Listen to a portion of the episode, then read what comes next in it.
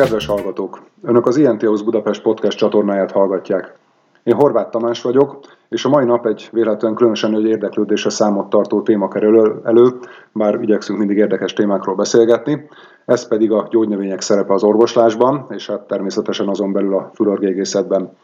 Ehhez a téma talán leghavatottabb hazai szakértőjét sikerült megnyerni, aki nem más, mint dr. Csupor Dezső, gyógyszerész, tanszékvezető egyetemi docens, a pirulakalausz.hu főszerkesztője, és hát a Magyar Gyógyszerésztudományi Társaság gyógynövény szakosztályának elnöke. Szia Dezső! Szia! Azért gondoltam elővenni ezt a gyógynövény kérdést, mert innen indult azért az egész farmakológia, és minthogyha ennek az egész vonalnak lenne most egy reneszánsza. Viszont egy átlag orvos, például ilyen vagyok azt hiszem én is, szerintem nem tudunk eleget a gyógynövényekről, emiatt egy kicsit alulbecsüljük ennek a szerepét a gyógyításban. A másik oldalról viszont az az érzésem, hogy a betegek pedig általában egy egy kicsit túlértékelhetik a gyógynövények szerepét, és te, mint ennek a témának a tudományos szakértője, te erről mit gondolsz? Hát pontosan így látom. Van egy negatív attitűd, meg egy pozitív attitűd, és általában tényleg így van, hogy a, a fogyasztók, a betegek azok általában a túlzottan pozitív attitűdöt képviselik, a szakemberek meg a negatívat. Szerintem mind a kettő mögött az ismerethiány van. És az, hogy ismerethiány, most ezt én nem mondom, hogy bárkinek a hibája lenne, hiszen sem az átlag beteget nem tanítják meg a növényekre, amúgy a gyógyászatról is keveset tudnak, úgy általában, de a, az átlag orvos sem tanul ezekről. Mondjuk Szegeden van kurzus, ahol tanulhatnak az, az orvostanhallgatók is, de ez nem egy kötelező dolog, és azok, akik mondjuk 15 évvel ezelőtt végeztek, garantáltan nem hallottak erről semmit. Pedig valahol kellene, hiszen a valóságnak a része. Vannak különböző felmérések, ami szerint betegcsoporttól függően 20-80 százalékban használnak az orvos által előírt kezelés mellé még valamit. És ez a valami, ez nagyon sokszor gyógynövény. Hogy most ez jó vagy nem jó, ez egy jó kérdés, mert ugye ez egy interakcióforrás is, ami sokszor veszélyes lehet, de ezt egyébként használni is lehet. És ez a, ez a lényeg, hogy, hogy a gyógynövényeknek úgy találják meg a helyét az orvoslásban, hogy ez hasznosan egészítse ki a rendelkezésre álló eszköztárat. Tehát valamikor lehet elsődleges kezelés, valamikor lehet egy jó kiegészítője egy szintetikus gyógyszeres mm. kezelésnek, és hát vannak olyan esetek, amikor meg egyértelműen azt mondhatom, hogy jobb lenne elfelejteni. De ez egy árnyalt gondolkodást igényel, betegtől, orvostól egyaránt, és ez általában hiányzik. Nem hibáztatok ezért senkit, pont annak a feladata, például nekem, aki erről az átlagnál többet tud, hogy erről minél többet beszéljen. Ja, reméljük, hogy akkor ez a podcast adás is sikerül, vagy segítség lesz abban, hogy így árnyaljuk ezt a dolgot. És egyébként a gyógynövények esetén mennyire beszélhetünk bizonyítékokról, tehát tulajdonképpen mennyire evidence-based dolog a gyógynövényekkel való kezelés, és például szakmai ajánlásokban mennyire gyakran találkozhatunk velük? Igen, ez egy jó kérdés, mert amikor a modern gyógyszer kutatás létrejött, meg gyógyszergyártás, akkor a növények egy kicsit ilyen mellékvágányra kerültek. Tehát ugye a 20. század elején jöttek a szintetikus szerek, aztán különböző viszontagságok után ezeknek a klinikai vizsgálati módszerei is kialakultak, a 60-as évektől van mondjuk modern gyógyszerkutatás, de ebből a buliból a gyógynövények kimaradtak, mert a gyógynövényeket ugye régen hagyományos alapon használták, tehát tudták, hogy tapasztalati alapon mire jó, és amikor elkezdték a modern klinikai vizsgálatokat, akkor nem voltak olyan készítmények, amiket, gyógynövény készítmények, amiket vizsgálni lehetett volna. Úgyhogy mindaz, amit ilyen racionális orvoslásnak gondolunk, az alapvetően szintetikus gyógyszerekhez kapcsolható. De egyébként meg ebbe a módszerbe beilleszteni egy növényt, tehát hogy klinikailag megvizsgáljuk, ez, ez egyáltalán nem lehetetlen, sőt, azóta azért egyre több ilyen növény van, amiről már tudjuk, hogy klinikailag igazolt, de az arány az sokkal rosszabb, mint a gyógyszereknél. Ugye a modern gyógyszerek igen jelentős része modern klinikai vizsgálatban vizsgálva van. Nem mindegyik, tehát ott is azért vannak ilyen matuzsálemek, ami 30-as, 40-es években került forgalomba, semmilyen modern vizsgálat nincs, és gyógyszer, de a növényeknél meg pont fordítva van, inkább az a kivétel, abból van kevesebb, ami normálisan meg van vizsgálva. És hogy miért van ez így? Hát ennek nem az, az oka, hogy a növény alapvetően biztosan rosszabb, mint a szintetikum, és ezért nem is érdemes megvizsgálni. Itt inkább jogi meg financiális okok állnak a háttérben.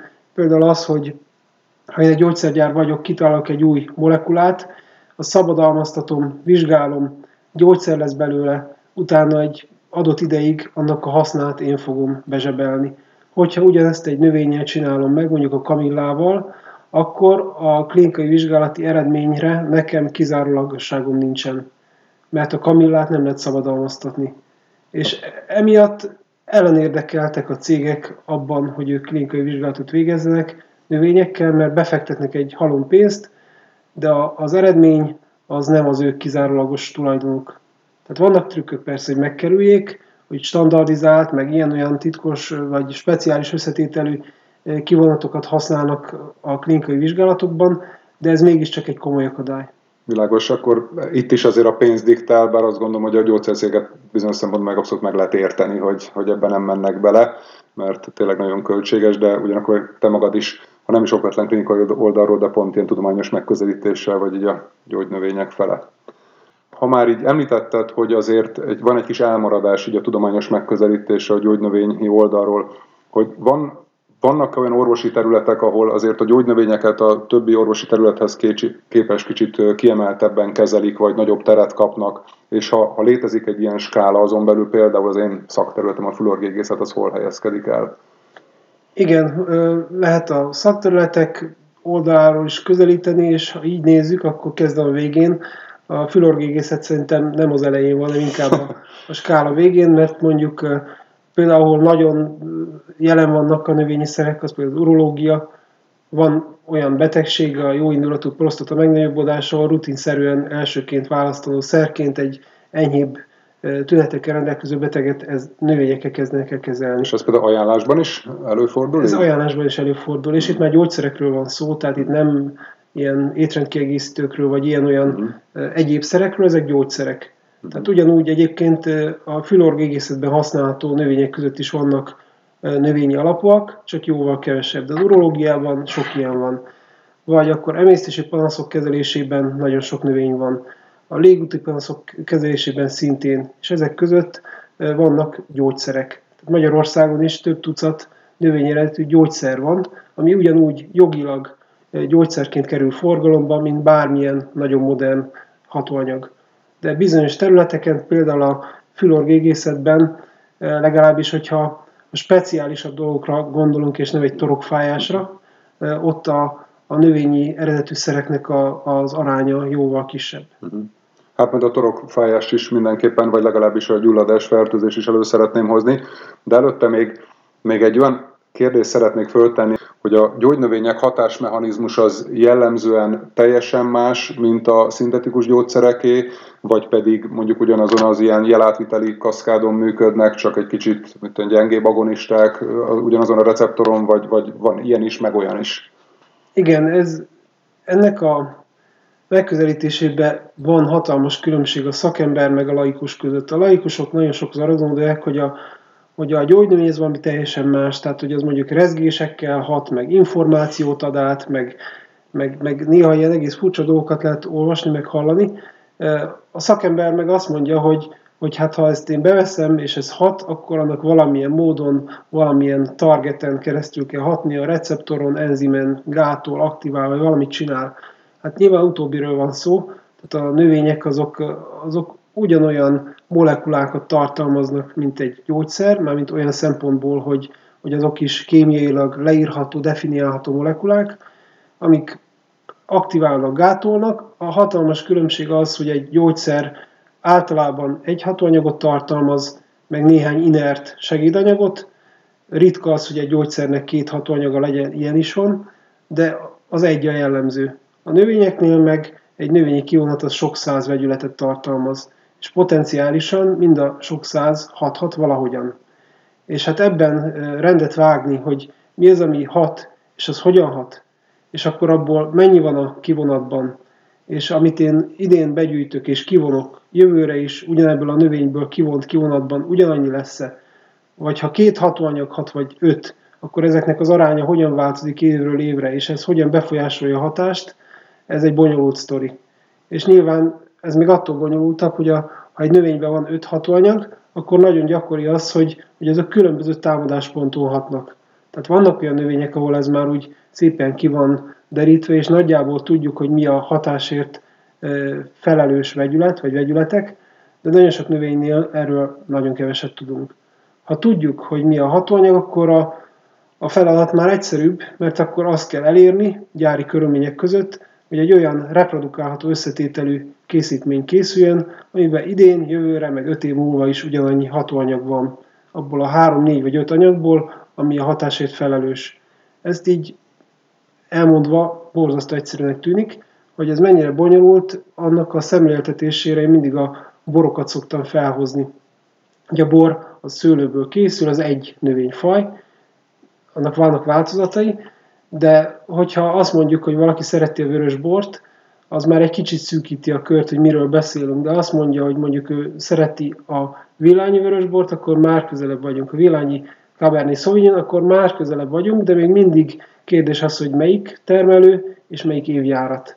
Mert bármelyik tényező változik, a végeredmény teljesen más. És egy ilyen változékony helyzetben, amikor a kiindulási növény ennyire változhat, mint mondjuk a szőlő, ott kell produkálni állandó összetételt. Megoldható feladat, ezt a komoly gyárak megoldják, tehát azok a növényi gyógyszerek, amik tényleg gyógyszeré válnak, ott ez garantálva van, legalábbis jelentős részüknél, csak ez egy bonyolultabb sztori, mint amikor mondjuk acetil kell bemérni 500 mg-ot egy kapszulába. Világos. Tehát ez olyan, mintha egy borászat felé az lenne az elvárás, hogy neki mindig a 2017-es, nem tudom melyik dűlő Cabernet Sauvignonját kellene ugyanúgy produkálni, és minden, minden összetevő ugyanaz legyen ilyen minőségbiztosítási célra, nem? Így van, de szerintem a borászoknál az egy érdekes kívás, hogy a változó körülmények között mikor lesz jobb boruk. És mm. ők ezért a környezeti tényezőket nem akarják befolyásolni. Mert benne van a pakliban, hogy, hogy idén lesz egy olyan bor, ami még soha nem volt.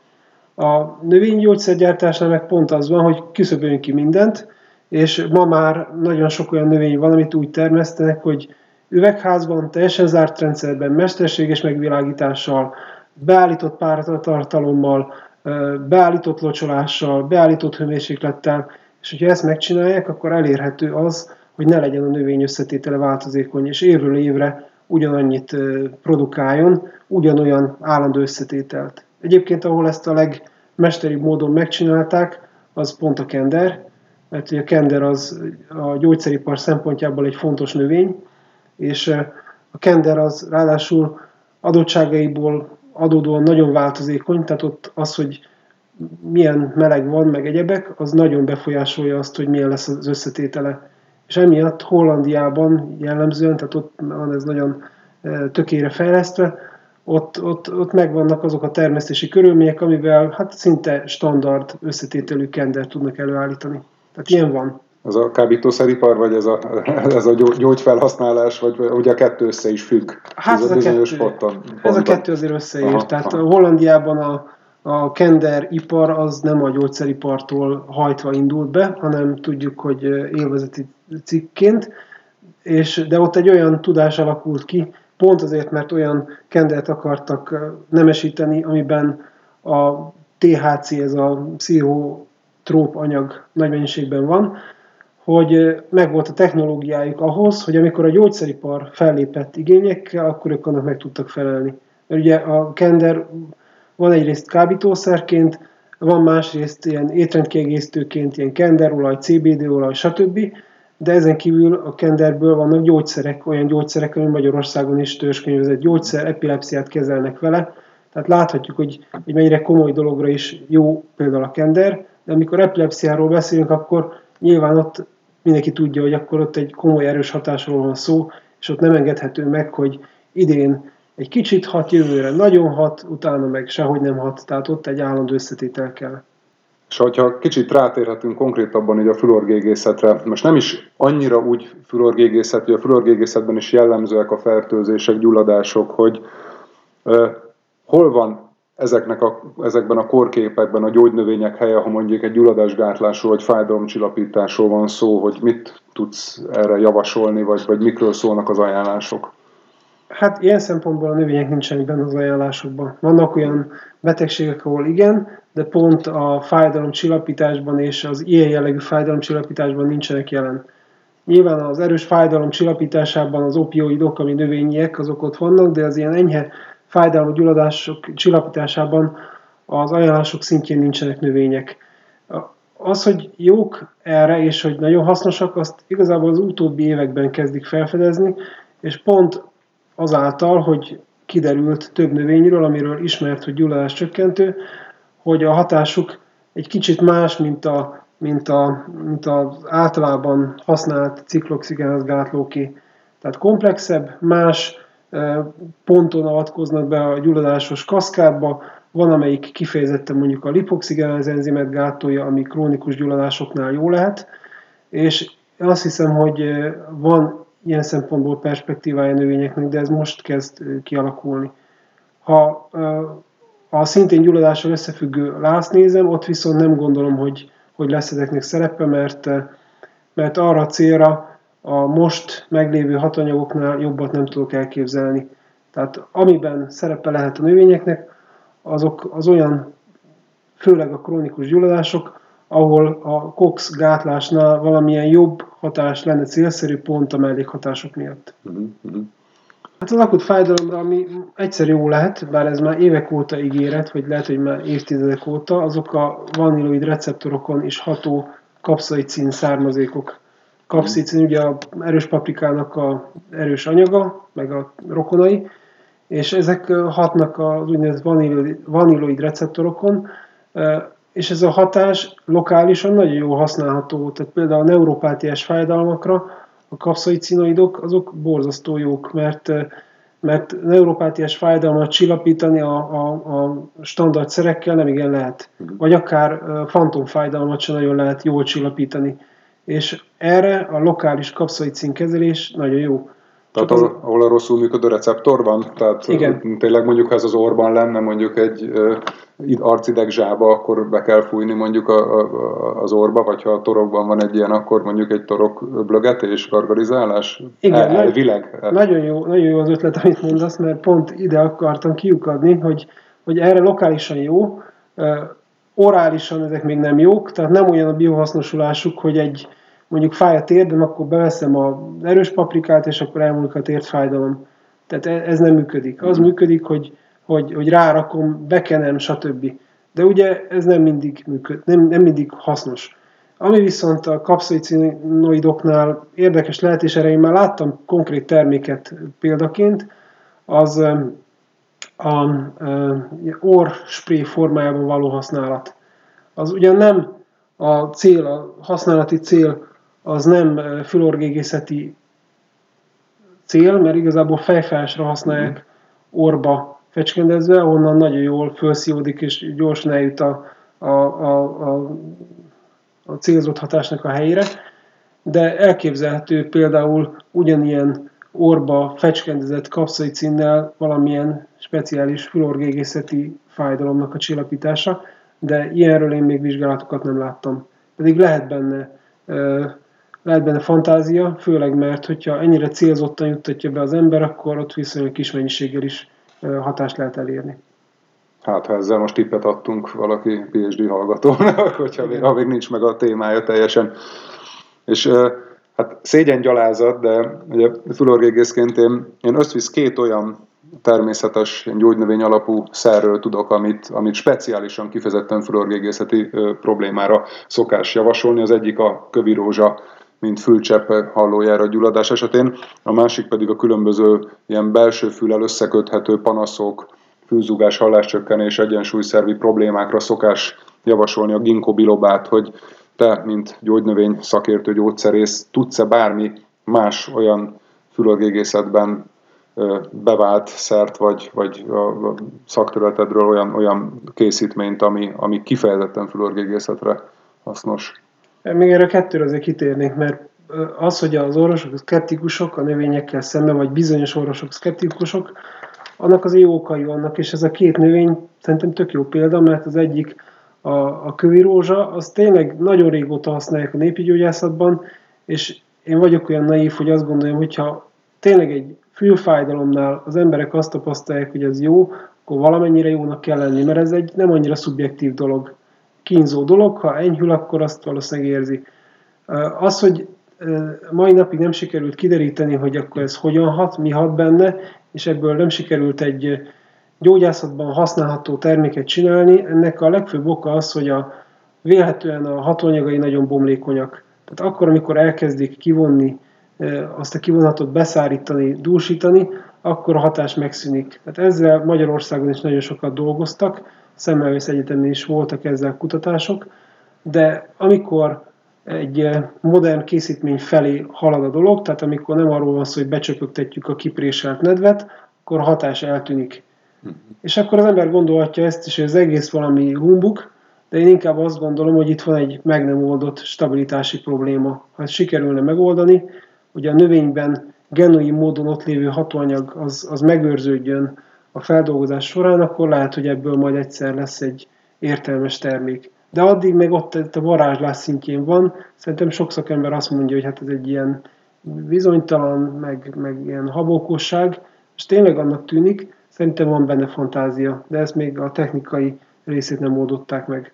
És egyébként az nem lenne elvárás, hogy, hogyha egyszer valami kapható így készítményként, az, az egy olyan stabil dolog legyen, hogy abban mérhető ilyen-olyan szinten bizonyos hatóanyagok jelen legyenek? Hát, ha gyógyszer lenne, akkor igen. Csak mivel De... ez nem gyógyszer, akkor ez, ezáltal nem kell ezt bizonyítani? Igen, hogy... hát a kövi rózsa készítmények közül egyik se gyógyszer. Nem is tudom, hogy milyen kategóriába kapható ez. Uh-huh. Talán kozmetikum, vagy nem is tudom, hogy hogy forgalmazhatják ezeket. Nagyon sokan egyébként ma is a növényt csöpögtetik, de ha a termékről van szó, és ha tényleg gyógyszer lenne, akkor ezt igazolni kellene.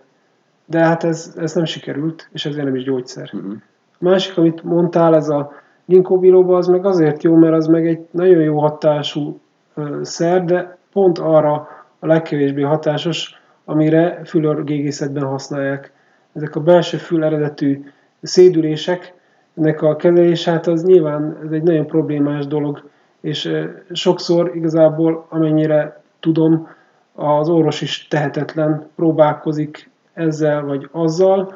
Ezek közül az egyik lehet a ginkgo biloba, de ez nem olyan, mint mondjuk a, az már emlegetett acetilszalicilsav, hogyha lázad van és beveszed, akkor garantáltan az majd le fog menni, legalábbis az emberek nagy részénél lemegy. Hát a ginkgo biloba a, hát ki tudja milyen eredetű szédülést, azt nem biztos, hogy meg fogja szüntetni. És akkor ebből az a következtetés, hogy ez egy nem annyira valami jó, pedig hogyha azt nézzük, hogy mondjuk a, a, a kognitív teljesítményt fokozó hatása milyen, arra már azért sokkal jobb bizonyítékok vannak. Tehát ott a növény az rendben van nagyjából, de nem ez a fő hatás területe. Igen, hát ugye pont az ilyen szédülés, fülzúgás témakörében még a fluorgégészet is sokszor csak ilyen sötétben tapogatózik, tehát először kellene tudnunk, hogy egyáltalán mi a probléma, és akkor nyilván az jobban lehetne illeszteni a terápiát. Tehát ilyen szempontból végül is logikus, hogy hogyha valamit nem tud megoldani az orvostudomány, akkor mindenféle egyéb más vonalon is próbálkozunk, akár olyan szerrel, amit nem is okvetlen erre találtak hát. Akkor, akkor lehet jó, hogyha ott tényleg oxigénellátási zavarból erednek a bajok, mert hogy ez arra képes, hogy a vér viszkozitását csökkent, és a meglévő keresztmetszeten hatékonyabban tud áramlani a vér. De hogyha valami más van a háttérben, és hát nyilván csomó minden lehet, ezt te jobban tudod, én csak ilyen szemlélőként gondolom így, akkor, akkor ez nem sokat ér hát régen dogmaként kezelték a fülorgégészetben, hogy ezek mindig keringési eredetű problémák, és annyit azért fejlődött már a, a, a tudomány a fülorgégészetben, hogy, hogy azt tudjuk mondani, hogy egyáltalán nem biztos, hogy attól van, de hogy mitől van, arra csak sejtések vannak, mert nagyon nehéz modellezni egyébként ezt az egészet. Egy nagyon bonyolult összetett szerv, amit nem lehet csak úgy kivenni, mikroszkópát tenni, ezt nem visszatenni. És hát ugye, mint tudományos embernek nem kell mondani, hogy mondjuk egy állatmodell, vagy egy sejtenyészet, vagy bármi más, az maximum csak így kb. tudja utánozni így az ember, de az egyáltalán biztos, hogy, hogy az emberben is ugyanígy működik, úgyhogy ez, ez még várat magára. És egyébként ezeken kívül te belebotlottál valaha bármi olyan fluorgégészetben használatos készítményre, ami ilyen gyógynövény alapú, és ami mögött azért valamilyen fajta igazolás vagy, vagy használható tapasztalat van? Hát igen, ez már kevésbé spéci betegségekre gondolok én, mint mondjuk sinusitis. Hmm. Abban például vannak hatásos növények, olyan szinten klinikailag is igazolt hatású. A dél-afrikai muskátli az egy ilyen növény. Pelargonium sidoides latinul. Azzal vannak klinikai vizsgálatok gyerekeken, felnőtteken, hogy az alkalmazásával a sinusitis, az akut sinusitis az gyorsabban gyógyul. Ez talán kevésbé közismert, és ez is gyógyszer szintű termékként forgalomban van. De akkor ez egy nagyon más dolog, mint az átlag magyar muskátli, mielőtt esetleg aki meghallgatja ezt a podcast adást, kimegy és leszedi a muskátlit, és beletömeszeli az orrába, ugye? Tehát, hogy ez... Hát nem szeretnék senkit erre biztatni, de egyébként meg nem tudjuk. Ja, aha. Mert a mi muskátlink is onnan jön, aha. és nem annyira távoli rokona annak, amit gyógyászatilag használnak. Tehát ezt nem vizsgálta még meg senki. Uh-huh. A dél-afrikai muskátlinek egyébként a gyökerét, tehát Aha. ennek az a hátránya, hogyha valaki a erkéről akarja magát gyógyítani, akkor muskátlinek annyi, de nem ezt nem javaslom, ez csak vicc, nem tudjuk. Tehát ez, ez egy dél-afrikai hagyomány, dél-afrikában használták a, a, a zuluk a köhögésük mm. kezelésére, még jó régen, és a 20. század elején európaiak kezdtek érdeklődni a növény iránt, mert akkor meg itt még a TBC probléma volt, és azt hitték, hogy a TBC-t lehet ezzel gyógyítani, hiszen kölgés. Aztán ez a dolog bebukott, nem jött be, tehát TBC-t nem gyógyítja meg, és a, valamikor a 70-es években kezdtek újra foglalkozni vele Németországban, hogy, hogy megnézni, hogy oké, okay, akkor TBC nem jó, de akkor a kölgéssel kapcsolatos korképekben jó lehet-e, bronchitis, sinusitis, és akkor például a sinusitisről úgy tűnik, hogy, hogy ez arra jó. Uh-huh. És azt vajon lehet tudni, hogy így hogy, hogy hat? Most ez, nem tudom, ilyen általános gyulladás csökkentő ott helyben, vagy, vagy a váladékkal csinál valamit, vagy... Hát, hogyha ennek a növénynek a kirakósát nézzük, akkor egy csomó részlet már megvan, preklinikai adatokból, ami alapján azt szoktuk mondani, hogy, hogy azért jó ez a növény, mert például antivirális, mert például a, a váladékot elfolyósítja, mert például a gyulladás csökkentő, de igazából nem tudjuk, hogy ezek tényleg mennyire relevánsak a hatás szempontjából. Tehát az, hogy miért képes mondjuk a, a tüneti skálán a pontszámot csökkenteni, miért gyógyul gyorsabban beteg, hogy az pontosan minek az eredménye, ez nem nagyon jól tudható. Sőt, itt nem csak, hogy ezt nem tudjuk, hogy mik a hatásnak a fő releváns komponensei, de a hatóanyagokat sem. Tehát ez egy olyan növény, ami egy standardizált kivonatként van forgalomban, standardizálták valamilyen módon, tehát hogy meghatározták, hogy milyen anyagokból mennyi kell benne legyen, és azt reprodukálják, de hogy aztán azok közül mi a jelentős, azt nem tudni. Viszont mivel megvannak a klinikai bizonyítékok arra a konkrét összetételre, akkor ez így rendben van. Ez sokszor azt mondják, hogy hát azért ez milyen borzasztó, nem tudjuk mi a hatóanyag, meg hogy hogyan hat. Én erre csak azt tudom mondani, hogy ott van például az már sokat emlegetett acetilszalicilsav, ami 1800-as évek vége óta 1980-ig úgy volt forgalomban, hogy nem tudtuk, hogy hogyan hat. Mert hogy nem tudták azt, hogy mi az az enzim, amit gátol. Tehát engem az nem zavar, hogy nem tudjuk, hogy hogyan hat. Engem az zavar, hogyha egy termékről nem tudjuk, hogy mi az összetétele, meg nem tudjuk azt, hogy klinikailag hatásos. Ha ez a kettő megvan, akkor a többi az már úgymond részletkérdés, elvégzendő feladat, de, de nem az a prioritás.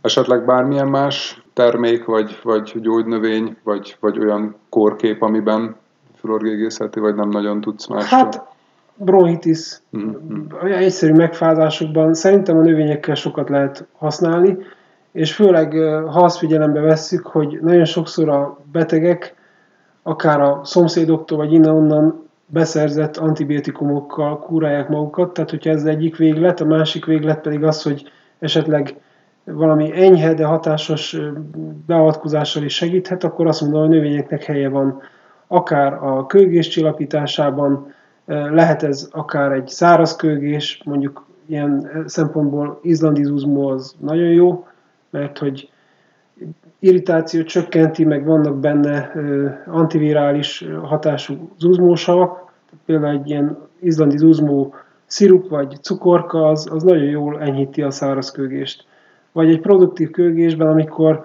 amikor azzal küzd a beteg, hogy a váladékot nem tudja felkögni, nagyon sok olyan illóolaj van, ami ezt képes oldani.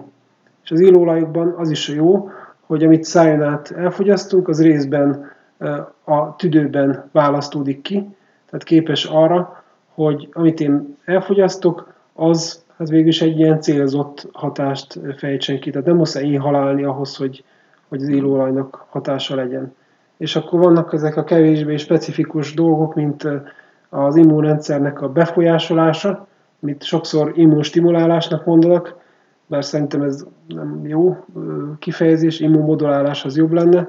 Arra meg több bizonyított hatású növény van, tehát például bizonyos speciális kasvirág, echnácia kivonatok, azok igazoltan képesek arra, hogy a gyógyulásnak az időszakát azt lerövidítsék.